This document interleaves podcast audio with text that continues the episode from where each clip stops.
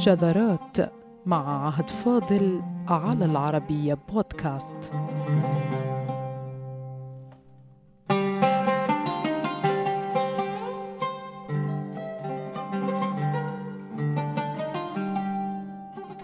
سميناها قصيدة الموتى لأن كل الروايات التي تحدثت عنها أشارت إلى أنها رثاء بقتلى اختلفت أسماؤهم وتعددت طبقاتهم الاجتماعية لكنها بقيت قصيدة هي الأغرب نظرا لكونها تنقلت في الرواية من رثاء قط إلى رثاء خليفة إلى رثاء عاشقين قبض عليهما متلبسين إلى رثاء مسؤول في الدولة قتل لأسباب تتعلق بالسياسة وبالفساد.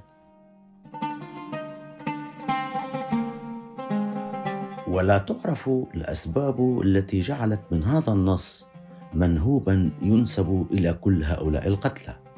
هل هو خطأ في الترجمة؟ هل هو نص مشاع فنسبه من يشاء إلى من يشاء؟ لكننا في الحلقة السابقة كنا أشرنا إلى أن هذه القصيدة رويت بصفتها رثاء بعبد الله بن المعتز وقيل إن شاعرها أخفى مقاصده خوفا من انتقام الخليفة المقتدر والذي سلبه ابن المعتز سلطته لساعات معدودات لا أكثر ثم قبض عليه وقتله. شيء عجيب يحيط بهذا النص الغريب من رثاء قط إلى رثاء خليفة إلى رثاء عاشقين عوقبا قتلا. مشاع مرن إلى الدرجة التي يمكن فيها نسبة مناسبة القصيدة إلى كل هؤلاء. ثم يضاف إليهم قصة قتل أخرى فقيل إنها برثاء المحسن بن الفرات الذي قتل بدوره على يد المقتدر لأسباب تتعلق بمطالبات مالية بعدما كان عاملا على الدواوين فقبض عليه وقتل في سنة اثنتي عشرة وثلاثمائة أي بعد موت ابن المعتز بست عشرة سنة.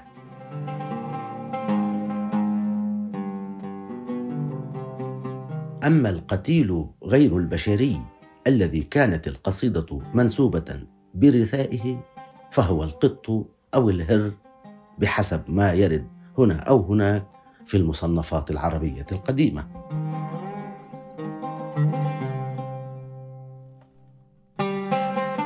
ونشير أيها السادة إلى أن اللغط استمر في المدونات العربية حول هوية الكائن الحقيقي الذي ترثيه هذه القصيدة استمر إلى القرن الثامن للهجرة.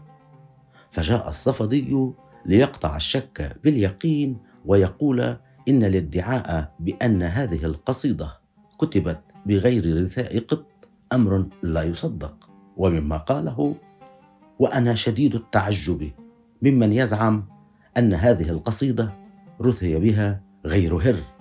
في كتابه واسع الشهرة والأهمية نكت الهميان في نكت العميان.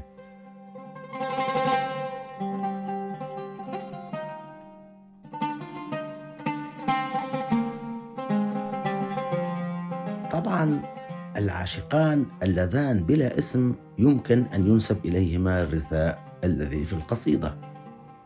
والخليفة الذي فجعه الكتاب وأمراء الأجناد بتوريطه للاستيلاء على الحكم فلم يرثه أحد خوفا ممن انقلب عليه يمكن أن تنسب القصيده كرثاء مزعوم له. فابن المعتز عوقب بقسوة مفرطة إن بالقتل أو بالدفن ثم بعدم الرثاء.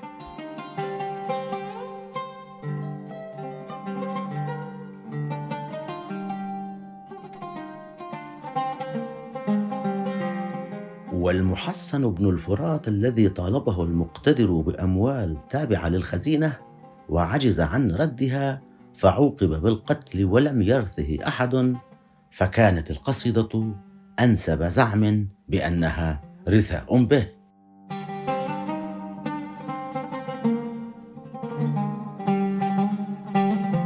لم يبقى أمامنا إلا القط وكما قال الصفدي فإنه لمن العجب الزعم أنها كانت قصيدة برثاء كائن آخر حيث هو القط لأسوأ حظا فقد رباه ضرير يعجز عن إطعامه فقام القط بالهجوم على بيت الجيران وقتل طيور الحمام للاغتذاء بها ولما تكررت الإغارة والسطو على الطيور قام الجيران باصطياد القط نفسه وقتله بخنقه بحبل لف على عنقه فقتلوه وفطروا قلب صاحبه الشاعر فكتب فيه رثاء نادر الوجود في الآداب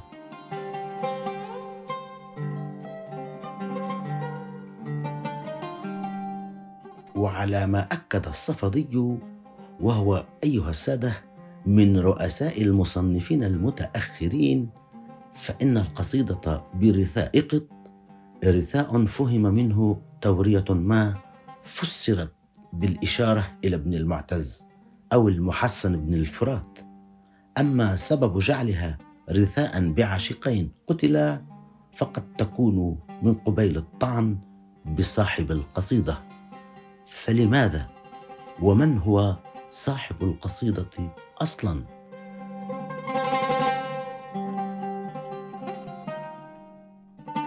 صاحب قصيدة رثاء القط هو ابن العلاف أبو بكر بن الحسن بن علي النهرواني.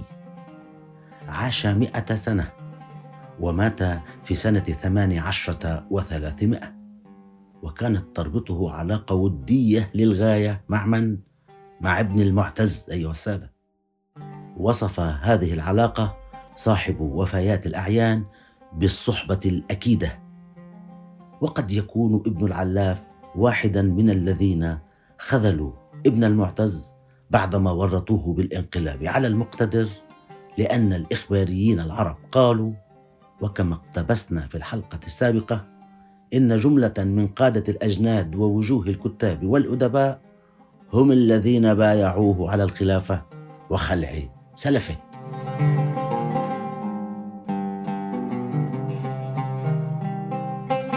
لكن ما الذي جرى لجعل قصيدة برثاء قط رثاء بخليفة؟ فعلى ما نقله إخباريون عرب ومسلمون فإن ابن العلاف خشي من انتقام المقتدر لو أذاع قصيدته برثاء خصمه الذي سلبه سلطته ولو لساعات معدودات لم تتجاوز اليوم الواحد.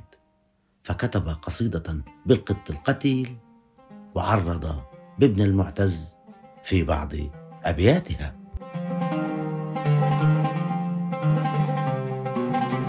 ومع تأكيد علمين بارزين متأخرين هما الصفدي والذهبي بأن النص رثاء بقط وهو كذلك بالفعل أيها السادة فهو تحفة فنية فريدة وإنسانية عالية.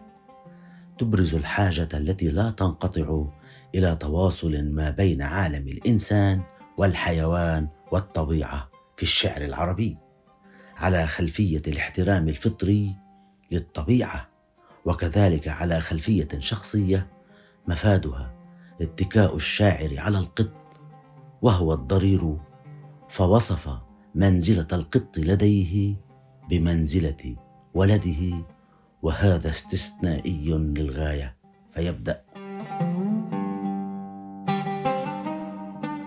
يهر فارقتنا ولم تعد. وكنت مني بمنزل الولد فكيف ننفك عن هواك وقد كنت لنا عدة من العدد؟ وتخرج الفأر من مكامنها ما بين مفتوحها إلى السدد. لا ترهب الصيف عند هاجرة ولا تهاب الشتاء. في الجمد. ثم يوضح ابن العلاف الضرير سبب قتل قطه الذي كان بمنزلة ولده. كما قال وفي الأبيات التي سنقرأها أيها السادة يمكن تلمس السبب الذي دفع ببعض الإخباريين للقول إنه ورى بالقط عن ابن المعتز وفي الحقيقة لم يور به ولا بأي أحد آخر لا من قريب ولا من بعيد فالقصيدة رثاء بقطه الذي فجع به. ويقول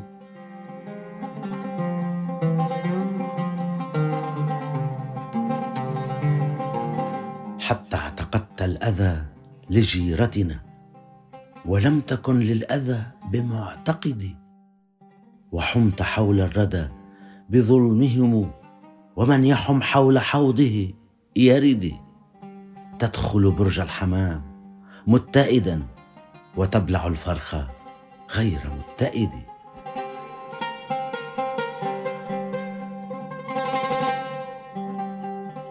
وبعد أن يسرد لجوء قطه لحمام الجيران فيأكلها يوضح قتله فيقول صادوك غيظا عليك وانتقموا وزادوا ومن يصد يصدي فلم تزل للحمام مرتصدا حتى سقيت الحمام بالرصد.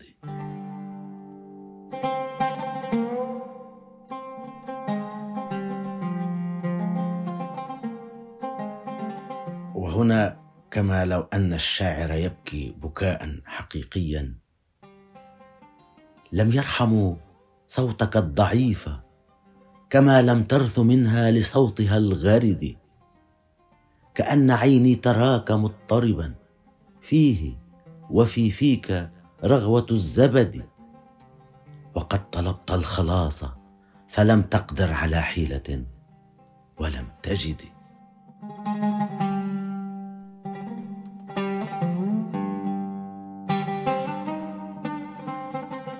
وكما لو أنه يقرع بقطه على طمعه بحمام الجيران فقتلوه فقال يا من لذيذ الفرخ أوقعه.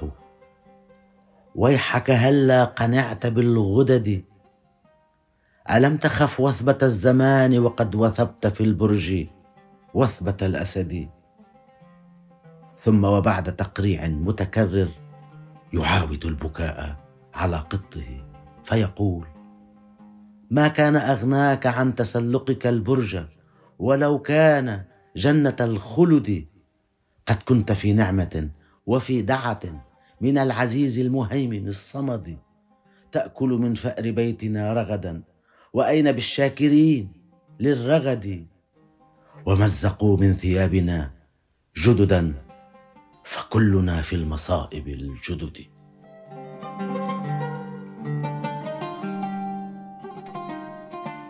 فإذا وقع الظن بسبب بعض التلميحات بأن القصيدة برثاء أحد غير القط فهو مجرد تلميحات لم تغرر برؤساء العربية المتأخرين كالصفدي والذهبي فقررا أنها برثاء قط.